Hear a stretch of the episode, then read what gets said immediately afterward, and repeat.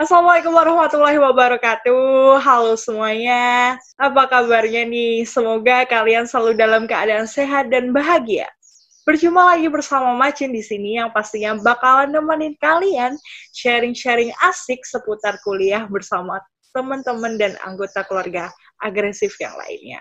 So, buat kalian yang lagi bingung nih mau dengerin apa, don't go anywhere, stay tune and always listen, kepoin kuliah bareng agresif. Oke okay, teman-teman, kali ini uh, kita sudah tersambung bersama salah satu uh, keluarga agresif yang dulunya menjadi uh, satu ketua kelas terbaik. Wih. periode kelas 3. Oh, yeah. Siapa tuh? Siapa tuh? Oke, langsung aja kenalan Mas. Siapa namanya, uh, jurusannya, kuliah di mana? Uh, ya, perkenalkan. Mungkin teman-teman kelas saya udah kenal lah mestinya. ya, nama saya Altof Misbaudin. Uh, saya kuliah di Malang di Brawijaya, ambil jurusan teknik lingkungan. Uh, sekarang saya menuju ke semester 1, 2, 3. Naik semester 5, maaf ngitung lupa, udah kelamaan libur. Iya, iya, alhamdulillah ya.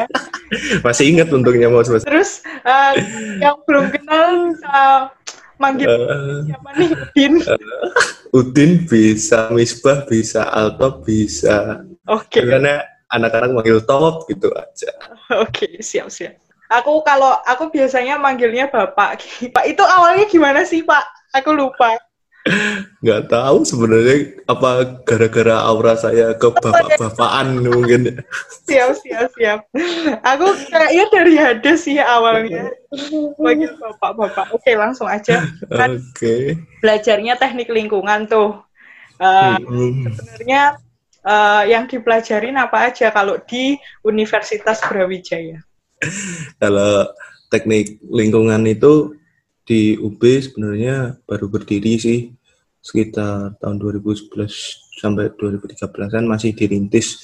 Dulunya itu teknik lingkungan itu eh, namanya teknik sumber daya eh bukan teknik sumber daya alam dan lingkungan. Setelah itu tahun 2011 atau 2000 berapa gitu berubah menjadi teknik lingkungan dan langsung akreditasinya langsung A di awal gitu. Jadi teknik lingkungan itu adalah uh, jurusan jurusan yang intinya dari jurusan tersebut adalah memperbaiki dan meningkatkan kualitas lingkungan dengan rekayasa teknik. Pada dasarnya, teknik lingkungan itu banyak mempelajari tentang ya banyaklah cabang-cabangnya. Saya ambil contoh ya, contohnya pengelolaan air, pengelolaan limbah air, pengelolaan limbah udara dan tanah, serta ada drainase, pemetaan wilayah, dan yang lainnya banyak juga. Uh, selain itu, teknik lingkungan uh, ada kayak semacam uh, kayak ilmu khusus lah. Nanti kita di teknik lingkungan itu akan mempelajari apa. Terus contohnya saya ambil itu uh, tentang penyusunan dokumen AMDAL atau sering disebut analisis mengenai dampak lingkungan. Jadi di sini AMDAL tersebut kita akan belajar cara menyusun dokumen-dokumen karena dokumen tersebut sangat penting jika kita akan membangun sebuah konstruksi seperti gedung, jalan tol, bandara, jalan raya, dan lain sebagainya. Maka dari itu AMDAL itu eh, sangat dibutuhkan untuk menjadi kajian dampak besar dan pentingnya terhadap lingkungan tersebut. Uh, selain itu, kita akan mempelajari tentang teknik pengolahan limbah yang di mana kita akan merekayasa atau merubah uh, limbah tersebut menjadi sesuatu yang dapat dimanfaatkan. Mungkin itu sih gambaran kecilnya. Terus kalau spesifikasi mata kuliahnya yang misalnya yang beda dari jurusan-jurusan lain itu apa aja? Saya ambil contohnya waktu semester pertama aja ya. Mm-hmm. Terus semester pertama itu kita uh, waktu maba itu mempelajari tentang pengantar teknik lingkungan. Mm-hmm. Yang biasanya kita akan dikenalin tentang bidang ilmu teknik lingkungan, sumber daya alam, lingkungan hidup dan pengelolaannya. uh, serta itu kita akan mempelajari tentang sistem penyediaan air bersih, biaya lingkungan penanganan dan pengolahan limbah cair, limbah padat dan P3. Selain itu kita juga belajar tentang iklim. Eh nama pelajarannya itu adalah klimatologi. Klimatologi mungkin sudah sering ya. Eh, jadi ada badannya sendiri bernama BMKG, yaitu tentang peranan iklim dalam kehidupan manusia, hewan dan tumbuhan.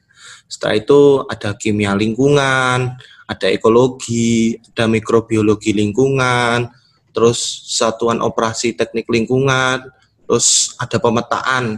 Nah, pemetaan ini kita mempelajari tentang eh, kayak kalau dulu saya mempelajari kayak pengaplikasian survei dan pemetaan terhadap eh, suatu wilayah lah.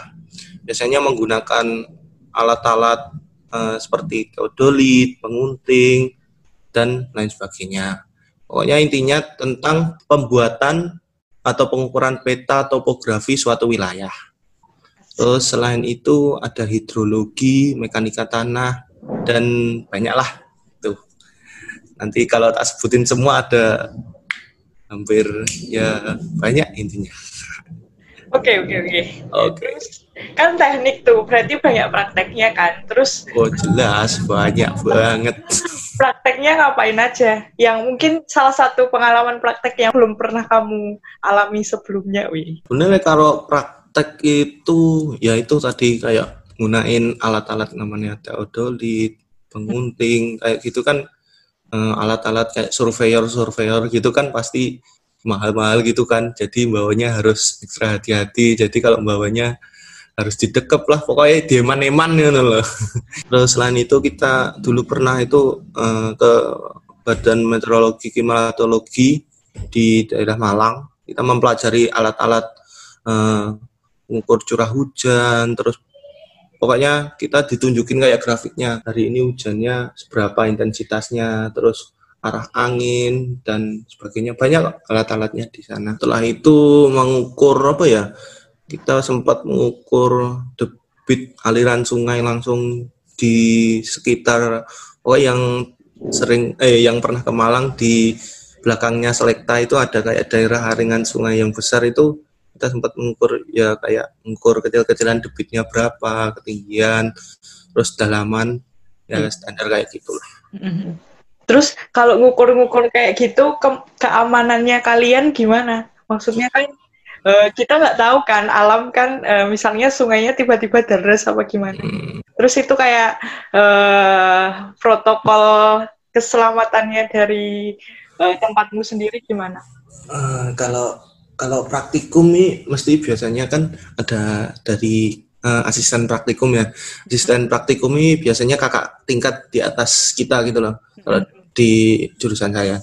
Nah, lah dari itu kakak eh asisten praktikumnya mesti harus mensurvei dulu tempat-tempatnya yang mau jadikan praktikum itu aman atau enggak. Nanti kalau ada bencana larinya ke mana mesti udah tahu lah. Jadi eh, kalau di daerah sungai itu mesti ambil yang sungai yang enggak terlalu dalam sampai kita eh, nyebur setengah badan paling setinggi lutut atau seperti saja sih. Menarik, menarik. Terus ini uh, jurusanmu ini masuk fakultas apa? Maksudnya kamu dari IPA, terus tiba-tiba ada unsur geografinya kayak hidrologi tadi, klimatologi tadi.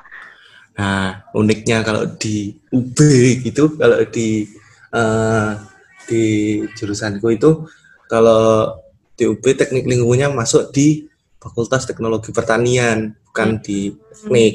Nah, iya dulunya itu karena uh, jurusan ini sebelumnya yang saya sebutkan tadi uh, bernama sumber daya alam dan lingkungan terus berubah jadi teknik lingkungan lah sedangkan uh, prodi sumber daya alam dan lingkungan itu terletak di Fakultas Teknologi Pertanian betul hmm. jadi di Fakultas Teknik Oh siap siap siap. Iya sih. Tapi masih ada ke teknik teknikannya kok. Oke oke.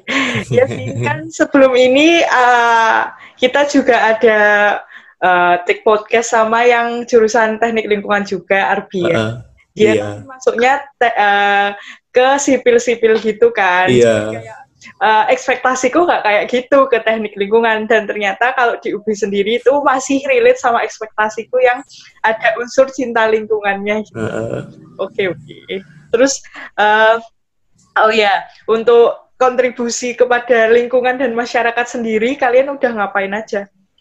Kalau uh, sebenarnya dari dosen itu banyak kayak um, bikin suatu proyek lah, proyek ke masyarakat, banyak proyeknya biasanya ngambil dari mahasiswanya buat percobaan, buat penyuluhan.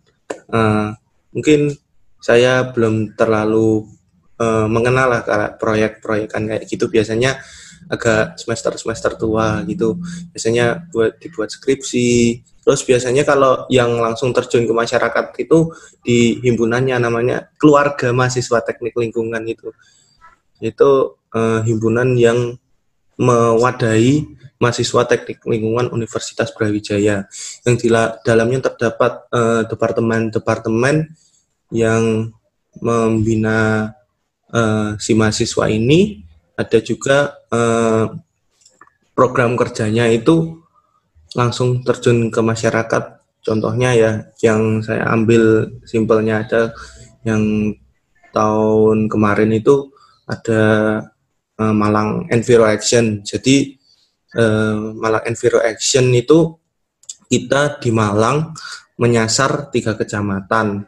Nah, tiga kecamatan itu kita akan melakukan penyuluhan tentang uh, kesehatan lingkungan, terus tentang persampahan, Terus kita selanjutnya e, mendatangkan komunitas-komunitas lingkungan yang ada di Malang. Jadi kita kayak kolaps itulah.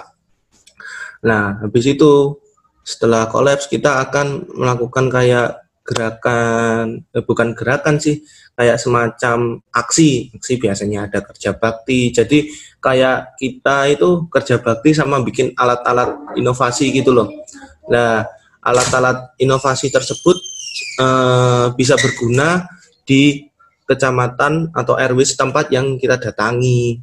Nah, selain itu ada uh, program kerja Malang Future Generation yaitu tentang program kerja kita nanti mengumpulkan seluruh komunitas-komunitas lingkungan, komunitas ya terutama komunitas lingkungan itu kayak bikin deklarasi tentang intinya tentang Indonesia bebas sampah, Indonesia bebas sampah, tentang penggunaan plastik dan lain-lain.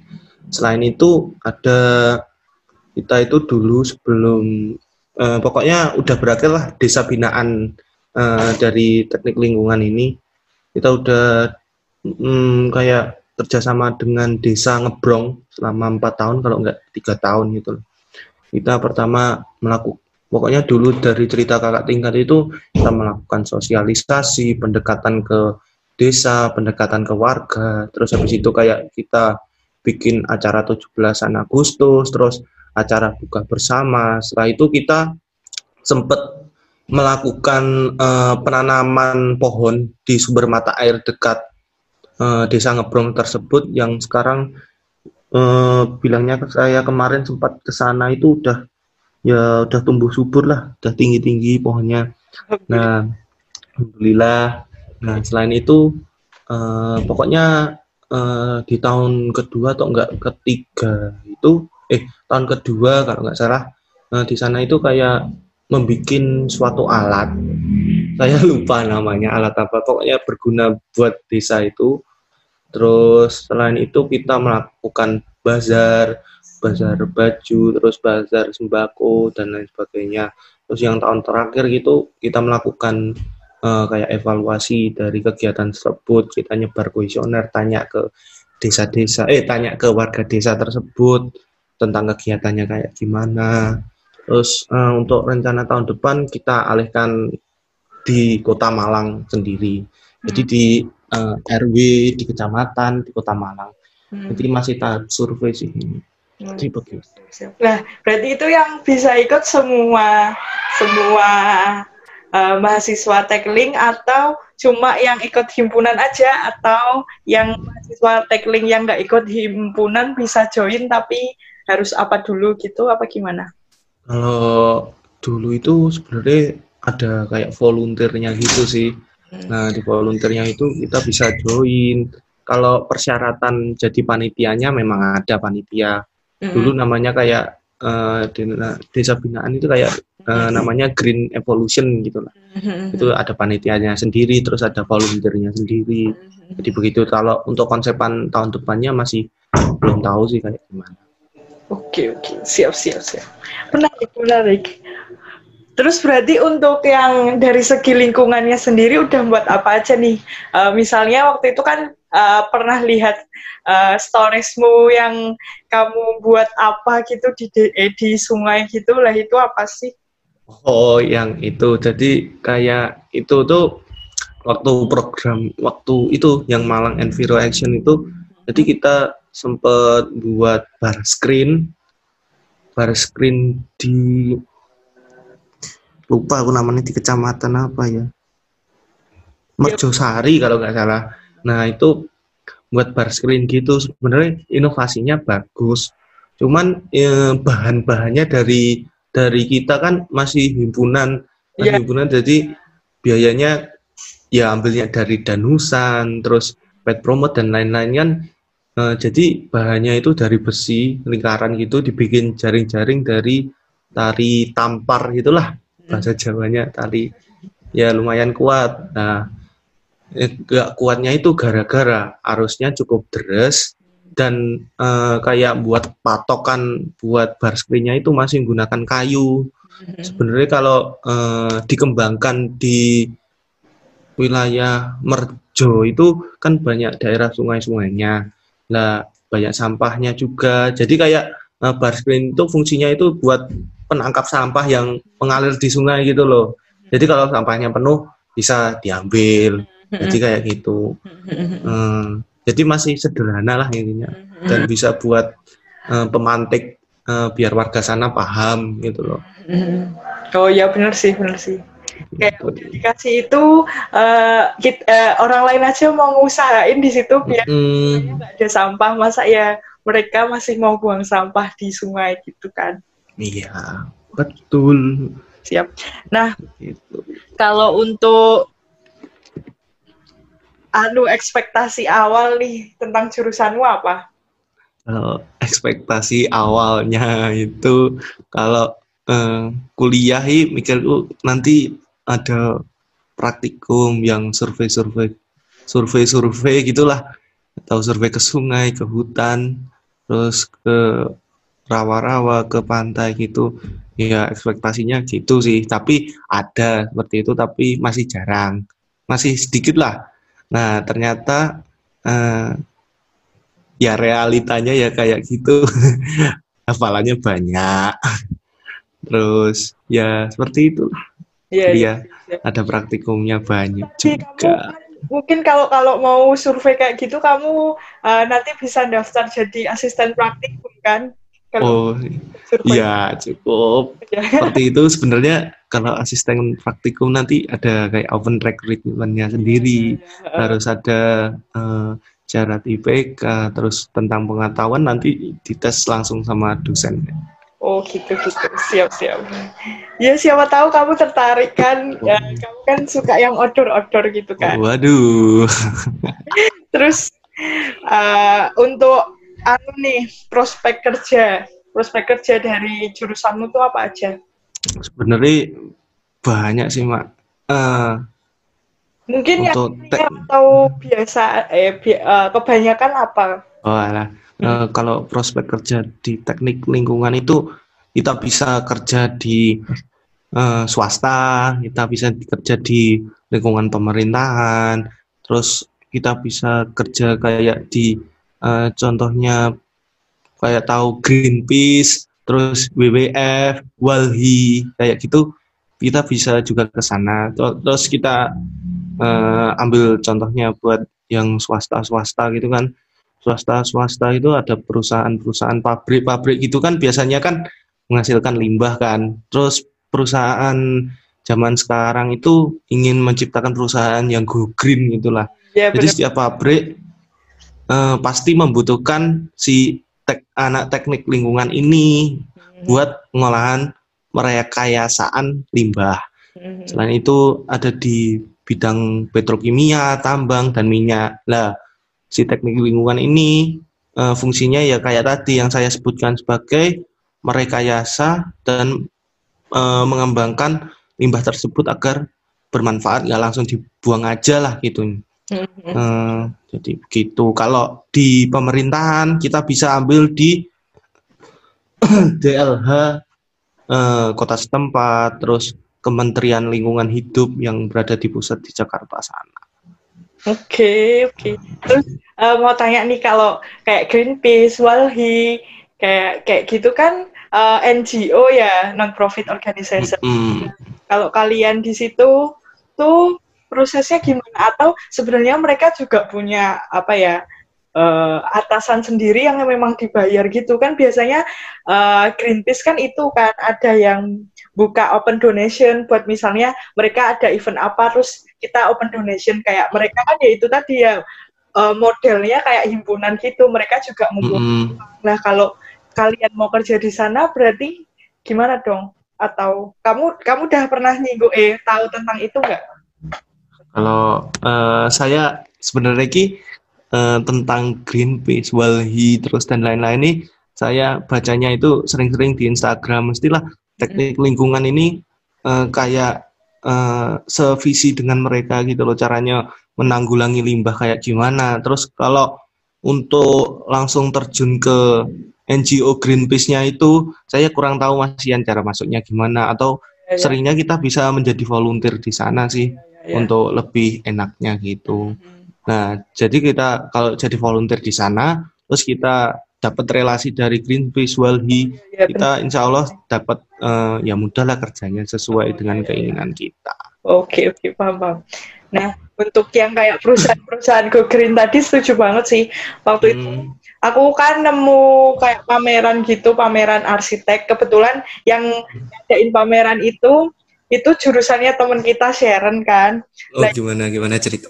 ya kebanyakan itu sekarang itu emang uh, disuruh berlomba-lomba ngedesain sebuah ya gedung ya rumah ya apa yang uh, green oriented gitu loh yang kebanyakan go green dan tanamannya itu ternyata ditaruh di tempat-tempat yang nggak biasa gitu loh kayak kayak gitu nah yang dari pameran yang kulihat itu emang susah-susah sih kalau mau emang buat gedung yang uh, go green gitu mm, emang susah apa itunya lebih mahal, apa bahan-bahannya lebih uh, mahal, apalagi kalau ya, betul. harus yang airnya gimana dan lain sebagainya emang lebih mahal sih. Tapi uh, dampaknya ke lingkungan emang besar sih.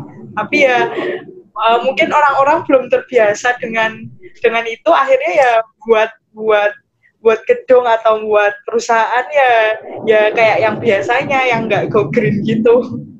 Jadi emang emang aku lihat dari kayak blueprintnya itu emang susah-susah sih kalau emang mau membuat apa ya kayak perusahaan yang go green banget hmm. apa tapi uh, kayak gitu tuh emang ya agak melenceng sedikit ya kita hmm. harus dari uh, pemerintahnya harus mendukung tentang perusahaan go green itu gimana terus dari perusahaan tersebut harus mengaplikasikan juga hmm. uh, menerapkan intinya energi terbarukan lah buat Uh, semakin lama kan uh, konvensional kan uh, kayak energi konvensional itu kayak semakin ditinggalkan gitu loh. Kita harus mencari uh, semacam energi terbarukan untuk uh, mengatasi energi yang kayak berasal dari fosil kan semakin lama semakin habis. Gitu sih. Bener-bener. Apa? Uh, toh kalau biasanya juga takutnya kalau misalnya perusahaan itu udah bangunannya go green banget, yang di dalamnya nggak mau ngurusin kan juga susah ya. Ya sama aja. Ya, makanya emang harus apa ya harus ekstra mengedukasi hmm. uh, uh, orang-orang sekarang untuk go green itu. Ya walaupun banyak yang uh, mungkin uh, pecinta lingkungan banyak, tapi kan yang uh, mau konsisten juga juga ya, yang uh, apalagi kalau ada uh, against dari misalnya uh, kita kita lah kalau misalnya contohnya hmm. kita sendiri yang mahasiswa tiba-tiba go green hmm. banget gitu anaknya misalnya nggak nggak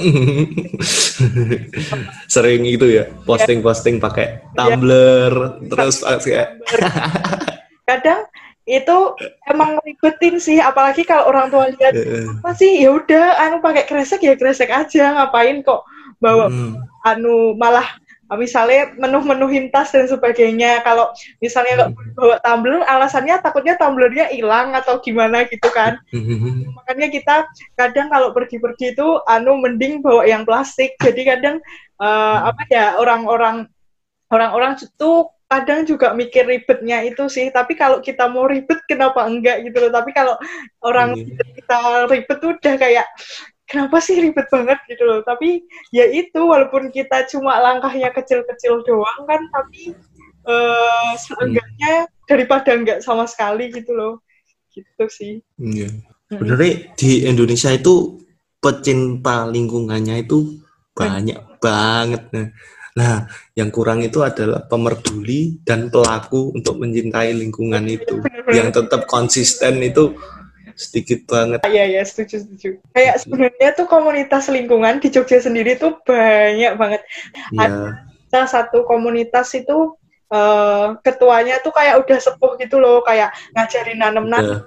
Dan dia sendiri hmm. juga curhat kalau anak-anak sekarang itu gebiarnya ya sekali aja. Misalnya uh, semangat hmm. awal-awal aja tapi kalau suruh konsisten yeah. itu susah gitu loh jadi emang iya susah ya. Uh, kayak mbahnya itu tuh curhatnya kayak gitu kayak gitu terus uh, sebenarnya ya itu saya uh, masih uh, kayak uh, mulai jadi uh, kayak pelaku pecinta lingkungannya itu masih ya itu masih proses ya susah-susah sih emang kan ya harus kita itu mulai dari sendi awal kita sendirilah intinya.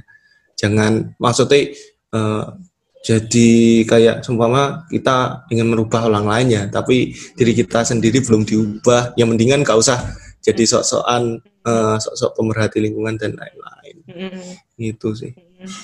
Aku melihat eh aku ngelihatnya juga takutnya orang-orang tuh ternyata cuma apa ya cuma uh, ya itu kayak pencitraan atau emang ngelakuin itu buat nge-share di sosial medianya gitu. Kadang kan emang di emang semangatnya kayak gitu semangatnya biar hmm. share di anu. Tapi hmm. diri kita yang sendiri itu udah bener-bener uh, pemerhati belum sih gitu. Kadang aku aku sendiri pun juga juga uh, aku ini udah bener gak sih? Maksudnya itu uh, udah melakukan itu bener-bener gak sih? Toh kadang aku juga masih beli Taiti kayak kayak gitu kan kita nggak bisa nggak bisa itu kan masa mau membawa wadah sendiri kan kita juga kadang uh, uh, apa ya pihak pihak misalnya pihak Taitinya itu juga nggak mau kalau wadahnya itu selain wadahnya dia misalnya kita mau ngasih dia ke wadah kita sendiri gitu. uh mereka nolak gara-gara ya ini udah produk kita apa uh. wadahnya ini juga udah wadah kita takutnya kalau dipindah ke wadah lain itu nanti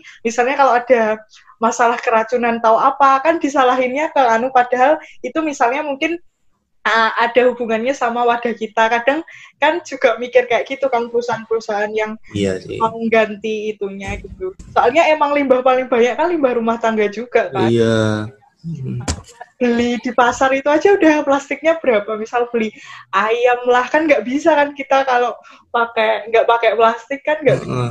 kecuali kalau kita mau bawa tupperware ke wow. pasar gitu. Pasti mindsetnya nanti kalau hilang gimana? Terus aku kemarin juga ngelihat salah satu postingan sebenarnya perusahaan air minum itu menciptakan apa ya hmm, yang botol kemasan itu kan ya. Ciptakan wadah plastik tapi sebenarnya mereka nggak punya apa-apa. Terus aku kayak iya sih gitu. Iya iya ya kan iya ya kan airnya dari gunung gitu loh. Airnya dari gunung ya airnya punyanya bumi kita bukan punya mereka. Terus oh iya ya. Mereka cuma apa ya usaha mereka yang ngambil air itu gitu. Terus aku kayak iya iya gitu. Ya. emang kalau perusahaan air minum ya uh, mainnya gitu. Padahal ngeruk-ngeruk uh, sumber mata air terus yang kayak terus apa ya kemarin saya juga baca seperti itu sih.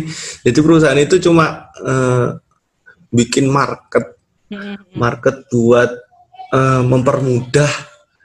Sebenarnya ya juga mempermudah kita kita nggak bisa uh, ya, ya, ya setuju nggak bisa mengantisipasi sih. Emang perusahaan itu me, me kayak merubah mindset kita lah buat kita lebih gampang Ya, ya, Gitu. benar-benar. Ya, Sampai sekarang kan kan juga masih belum bisa dihindari kayak penggunaan botol air minum bekas itu kayak gimana.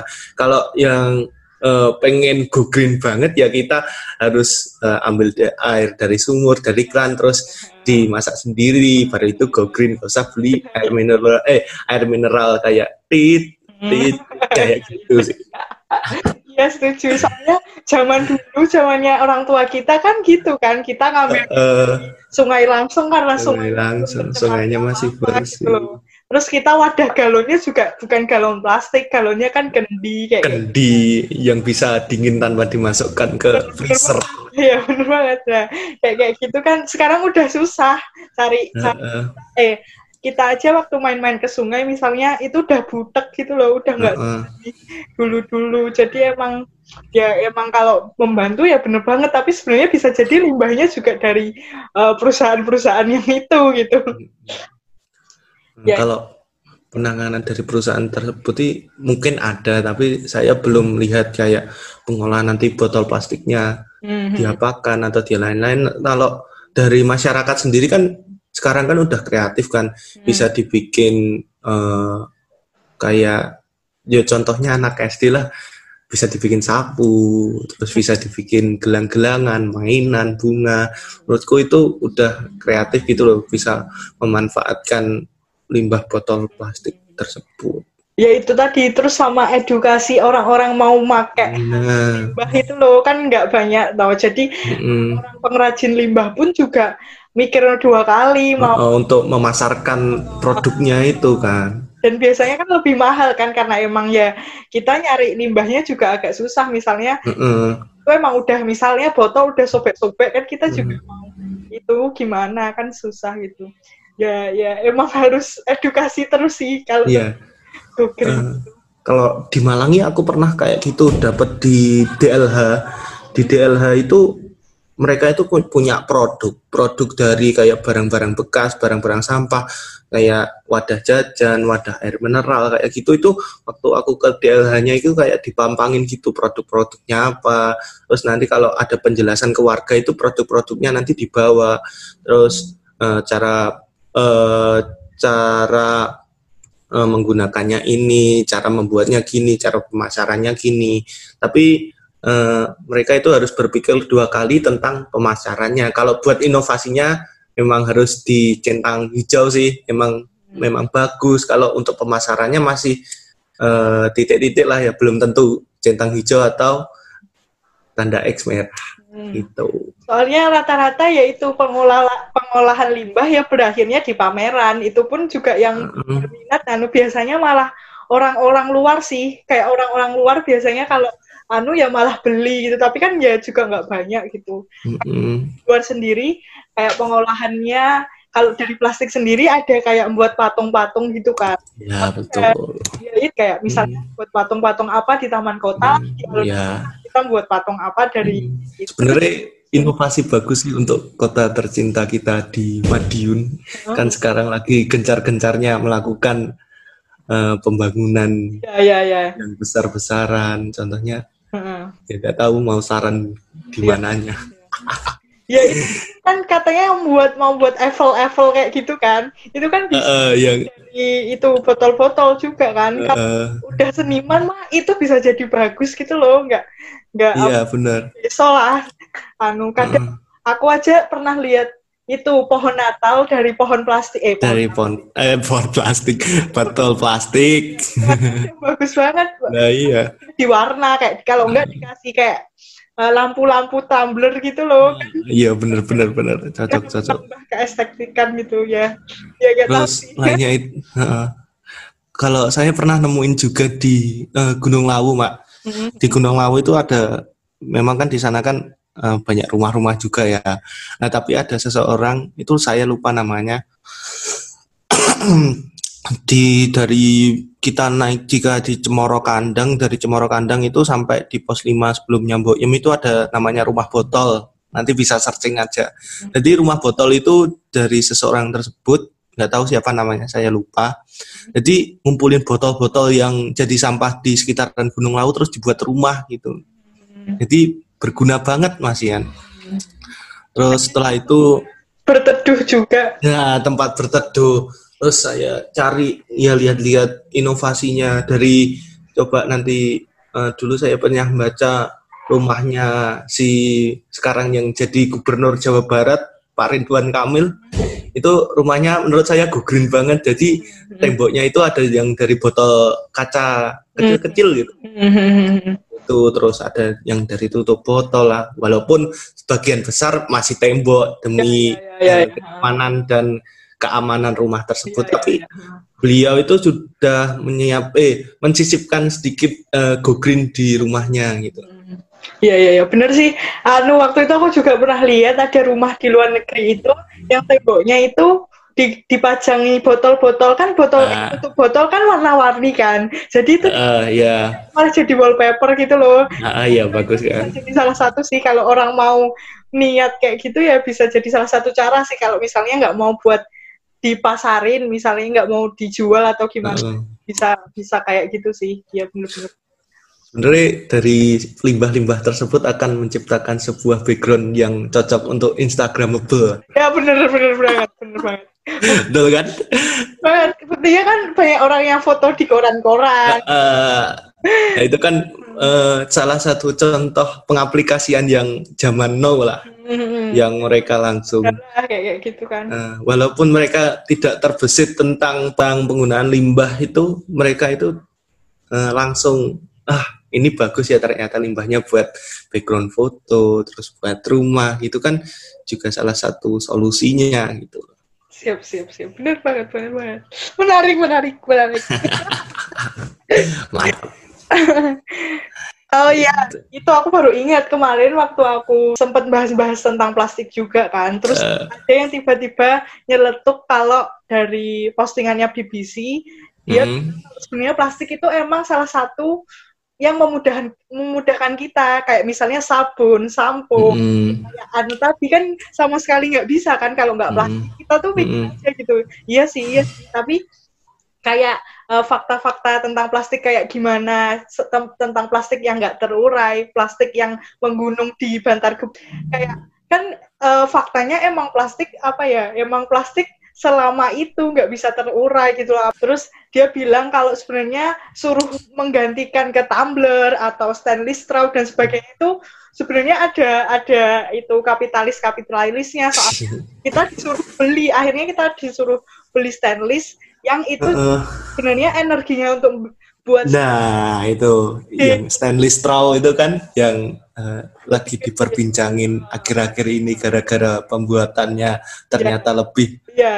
um, menimbulkan suatu zat-zat yang lebih mencemari lingkungan ya, makanya, daripada yang lain kan itu kita buat aluminium lagi kan kayak hmm itu uh, aku aku sendiri pun nggak beli karena aku merasa minum kalau nggak pakai sedotan tuh lebih enak gitu loh. Nah, aku, betul. Aku kayak kalau es teh es jeruk kayak kayak gitu ya lebih enak kalau di glegek langsung gitu loh. Hmm. Soalnya kan posisi kita udah uh, dehidrasi, udah dahaga gitu kan emang masa di sedotan dulu kan ya nggak enak gitu. Apalagi sedot uh, sedotan yang uh, minuman kemasan yang gelas-gelas itu kan lebih kecil lagi sedotannya.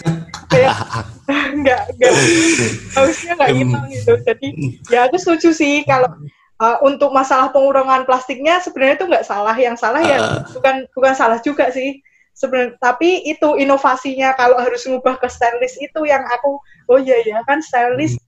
kayak uh, ya itu energi yang dibuat untuk buat stainless straw itu kan lebih gede daripada buat plastik misalnya. Terus iya sih benar juga gitu. Terus ya udah sekarang kan makanya stainless straw udah nggak nggak terlalu hype kita kan. Ya. ya. kalau tentang penggunaan plastik itu kita bisa nyontoh di Pulau Dewata, Pulau Bali. Mm-hmm. Itu kan udah ada peraturannya tidak penggunaan plastik gitu kan. Jadi menurutku itu uh, suatu uh, pemerintahnya di sana itu kayak peduli gitu loh tentang lingkungan di sana. Soalnya mereka kan juga dipandang dunia gitu loh. Iya. Soal soalnya luar pun taunya Indonesia tuh gara-gara Bali. Gitu. Bali, uh, ya kan nggak tahu Indonesia, Indonesia mana. itu bagian dari Bali, bukan Bali bagian. uh, Pak Koster itu sebenarnya bagus sih tentang inovasinya bikin kayak kebijakan uh, plastik zero plastik kayak gitu. Ya terus aku sendiri juga pernah lihat kayak di itu di tontonan di drama Cina itu uh, kayak ada aku sering ngelihat scene di mana mereka kalau minum di kayak ya supermarket gitu mereka hmm. itu itu botol gitu botol kaca gitu loh jadi mereka ke mana-mana ya bawa botol kaca itu terus hmm. nanti di suatu tempat itu dikembaliin gitu loh jadi kan kalau botol kaca kayak kayak merek-merek uh, Coca-Cola dan sebagainya itu kan itu kan Coca-Cola oh iya di refill terus dibersihin lagi gitu kan terus dianu lagi terus aku hmm. mikirnya uh, keren sih terus aku nggak tahu ini uh, kaca kan juga bisa jadi lebih besar daripada plastik juga kan energi. Mm. Aku juga nggak tahu, tapi kan ya itu tadi kaca kan bisa dibersihin, bisa dianu kan direfill lagi kan, nggak kayak mm. plastik yang harus harus anu. Jadi itu kayak aku ngelihatnya di itu di tontonan itu kayak mereka setiap beli minuman yaitu di kaca terus habis itu mereka ya dibawa misalnya jalan ke mana gitu ya dibawa terus habis itu dikembaliinnya ya kayak di misalnya ya kayak sepeda lah pinjam sepeda oh lah. iya iya iya masuk masuk ya di spot yang isinya misalnya hmm. uh, emang botol-botol bekas itu jadi kayak minumannya tuh kayak sama semua gitu loh terus aku menarik menarik gitu sebenarnya kalau inovasi sebenarnya kayak dibantu oleh penyediaan air minum uh, yang umum di tempat-tempat umum kita kan bisa mengurangi plastik. Iya gitu benar-benar. Kan. Walaupun memang harus dibutuhkan sterilisasi yang sangat banyak untuk uh, botol dari kaca tersebut karena digunakan oleh orang-orang banyak. Mm-hmm, ya sih. Terus itu aku juga pernah tahu ada yang usul ke pihak MRT kalau suruh ada nyediain galon-galon itu loh. Kan kita udah, uh, udah berupaya untuk bawa botol sendiri. Iya. Bantu hmm. kayak dari pemerintah atau apa uh, di kantor lah. Kecil-kecilannya di kantor, sekolah. Uh kayak tempat-tempat iya umum kayak, gitu ya benar ditambah itu tapi kadang jeleknya orang Indonesia itu tuh kayak lo jadi receh jadi, padahal mereka udah menjaga kebersihan dengan sangat baik tapi kita ya tidak mendukung gitu. Kayak awal-awal MRT itu kan anu sampah semua kan itu sempat disorot. Mm. ya ya oke. Okay. kayak itu sih.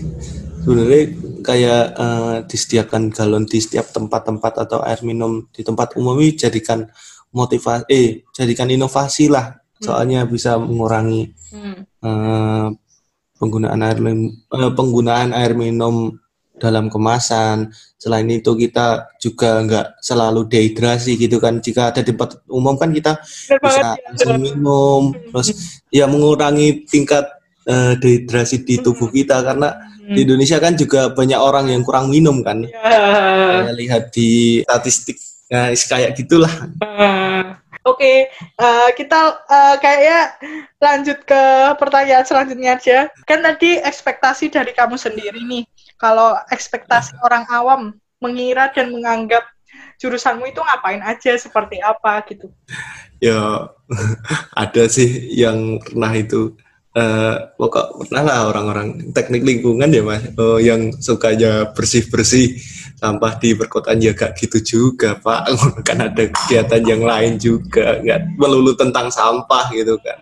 Ya emang sih tentang pengolahan limbah uh, uh, apa sebagian besar teknik lingkungan itu.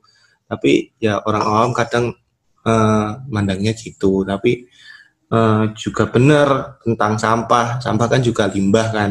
Tapi limbahnya yang limbah tingkat lanjut lah gitu. Iya toh kenapa sih emangnya kalau emang kita uh, nanganin sampah toh kalau nggak ada yang nanganin sampah kalian sampah gitu loh. Kalau nggak ada yang tukang ngambilin sampah setiap hari itu nah. juga kalian mau numpuk sampah nah. di rumah kan gitu. Kayak, kayak kita tuh jangan ngeremehin jangan kalau gitu loh. Kayak, tukang sampah gitu kan. Kan hmm. kayak eh uh, sebenarnya mereka kayak di Madiun saya amati itu kan soalnya uh, saya juga nggak tahu sih saya kayak persepsi saya saja gitu kan kebanyakan uh, yang membantu kita untuk membersihkan kota di kota Madiun rata-rata sekarang kan kayak petugas uh, yang membantu kita bersihin sampah itu kayak rata-rata perempuan gitu kan. Nah jadi itu kayak mungkin dari DLH atau pemerintah kotanya kayak guide ibu PKK atau gimana itu buat bersihin sampah terus dapat uang gitu kan saya juga nggak tahu maksudnya inovasi yang bagus sih jika uh, persepsi saya betul gitu. Oh, mereka juga dikasih seragam, terus nah, uh, dikasih tas. Mereka udah uh, gitu loh udah bawa hmm. mereka sendiri-sendiri mereka juga dikasih tas untuk biasanya isinya minum atau apa aku nggak uh, dan mereka juga udah dikasih topi dan sebagainya kayak ya udah. Iya udah full full full peralatan lah untuk membersihkan dan membersihkan itu. itu yang aku tahu di depan tokoku sendiri kan juga ada kadang lah itu di satu wilayah pun tuh orangnya banyak gitu loh nggak ah uh, benar kita sendiri ngelangut gitu. Maksudnya kita sendiri banget gitu di satu misalnya satu jalan kita doang itu hmm. enggak. Selalu tiap berapa meter itu ada orang lain. Jadi kayak hmm. itu rame gitu kan. banget gitu loh. Maksudnya mereka udah ya apa ya dimudahkan banget dengan dibantu banyak orang gitu. Terus ya gitu deh. Jadi kalau uh, kota yang mendapat predikat kota bersih itu sebenarnya jangan kotanya yang dikasih penghargaan. Oh ya. Petugas kebersihan, terus penata penata wilayah kota yang membuat kota itu terlihat hijau itu sebenarnya mereka sebenarnya yang harus dikasih penghargaan. Iya sih, kayak DLH itu kalau punya apa-apa ya didukung gitu loh kayak yang uh, misalnya ada inovasi-inovasi apa ya didukung gitu kayak di kayak aku sendiri pun nggak pernah ketemu orang-orang DLH kalau kita nggak ke sana gitu loh kan mm-hmm. betul betul betul pemerintah nggak ada apa-apa yang nyuruh DLH ngapain kita mungkin kita mm-hmm. baru kita diadu gitu aku waktu itu pernah ke DLH tanya-tanya kan kalau misalnya ada nggak event-event yang DLH punya terus melibatkan melibatkan anak-anak mahasiswa. Oh untuk mm -hmm. nggak ada sih mungkin kalau cuma dukung atau datang gitu bisa, tapi kalau mm -hmm. untuk ini nggak nggak bisa sih. Maksudnya nggak ada gitu kan berarti kan emang emang mungkin mungkin dari pihak orang-orang DLH-nya ada niatan untuk seperti itu. Mm -hmm. Ya nggak tahu ada dukungan apa nggak dari oh, okay. yang lain-lain kan juga nggak tahu gitu. Udah kalau uh, masuk ke yang DLH tadi ya, kalau di yang acara yang pernah dibuat sama TL itu di UB itu. Ya gitu kita uh, kerja sama sama DLH nanti kegiatannya gimana. Tapi mereka itu ya masih datang terus lihat-lihat acaranya gimana. Hmm. untuk ke depannya mungkin sebenarnya mereka itu kayak punya program kerja kayak kampung bersih kampung bersinar. Sebenarnya mereka itu untuk di Malang itu kayak meningkatkan uh, kampung hijau hmm. di sana gitu kalau di Malang itu program kerjanya gitu jadi kayak diadain lomba terus kampung ber terbersih kampung bersinar lah yang terkenal di sana itu kayak menghijaukan wilayah di sekitar rumah mereka nah setelah menang mereka dapat reward atau kita bisa maju ke kampung bersinar di Jawa Timur oh. itu sih ceritanya Iya sih di kelurahanku sendiri juga ada kayak misal suruh nanam toga dan sebagainya kayak hmm. gitu kan tapi ya itu nggak apa ya belum maksimal lah kalau hmm. menurutku tapi Hmm, tapi sebenarnya programnya udah bagus sih. Kalau ya. sebenarnya proker-prokernya tuh udah bagus tinggal. Udah bagus tentang uh, itu controllingnya yang. Iya. Ya. agak susah. Untuk tips nih, tips para calon mahasiswa jurusanmu. Untuk tips itu sebenarnya uh, dari saya pokoknya harus bisa adaptasi lah intinya dulu hmm. di sana. Mungkin Pokoknya yang lain-lain penyemangat yang lain masih ada. Oke, okay. mungkin uh, life hack, life hack gitu loh, life hack, tips life hack. Oh, lah, life hacknya menjadi mahasiswa gitu.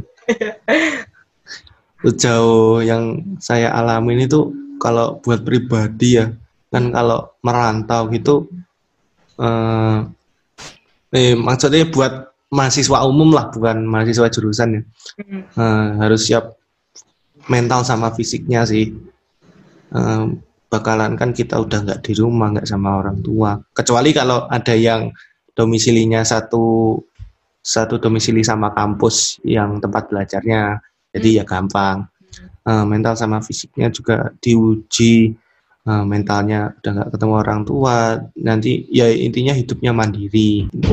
Siap. Ya kalau kalau Bapak Altop ini aku percaya bakalan mudah beradaptasi soalnya uh, ini sudah menjalani berbagai rintangan dan tantangan uh,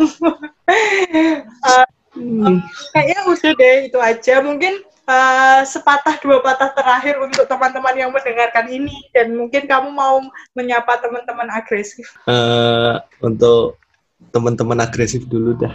Mm -mm. Uh, ya semoga betah-betah di rumah, betah-betah kuliahnya. Mm. Yang kuliah tetap semangat, yang mau PKL tetap semangat kan ini udah masuk mau-mau PKL gitu kan. Mm -mm. Atau mungkin udah ada yang PKL, udah ada yang uh, udah ada yang mau kerja atau udah ada yang bikin bisnis, bikin inovasi yang lain tetap tekuni aja. Hmm. Walaupun nanti nanti hasilnya kurang berkenan, tetap tekuni aja kan itu toh buat ilmu kita gitu. Setuju, setuju. Oke, terus untuk teman-teman yang mendengarkan ini sama atau ada tambahan? Untuk yang mendengarkan, dengarkan untuk episode selanjutnya pasti akan lebih seru siap siap siap siap oke oke oke setuju oh oh ya untuk uh, tambahan nih untuk di pandemi kayak gini jurusan teknik lingkungan kendalanya apa nah kalau jurusan di teknik lingkungan itu kan kita uh, sebenarnya kan harus survei ke tempat yang buat amdal buat dokumen-dokumen gitu kan. Jadi ya agak sulit untuk survei-surveinya. Emang harus patuh uh, protokol-protokol kesehatan itu sih. Hmm. Oke oke oke. Siap siap. Ya teman-teman itu tadi uh, perbincangan kita Bapak Altof semoga bermanfaat. Terima kasih Altof. Oke sama-sama Ma. Ya. Semoga terus jaga kesehatan. Oke, siap. Jaga kesehatan juga. Ya, sekali lagi terima kasih buat teman-teman semuanya. Mohon maaf kalau ada salah-salah kata. Hmm. Lupa untuk nantikan episode-episode selanjutnya. Iya. Yeah. Betul. Warahmatullahi wabarakatuh. Waalaikumsalam warahmatullahi wabarakatuh. Dadah.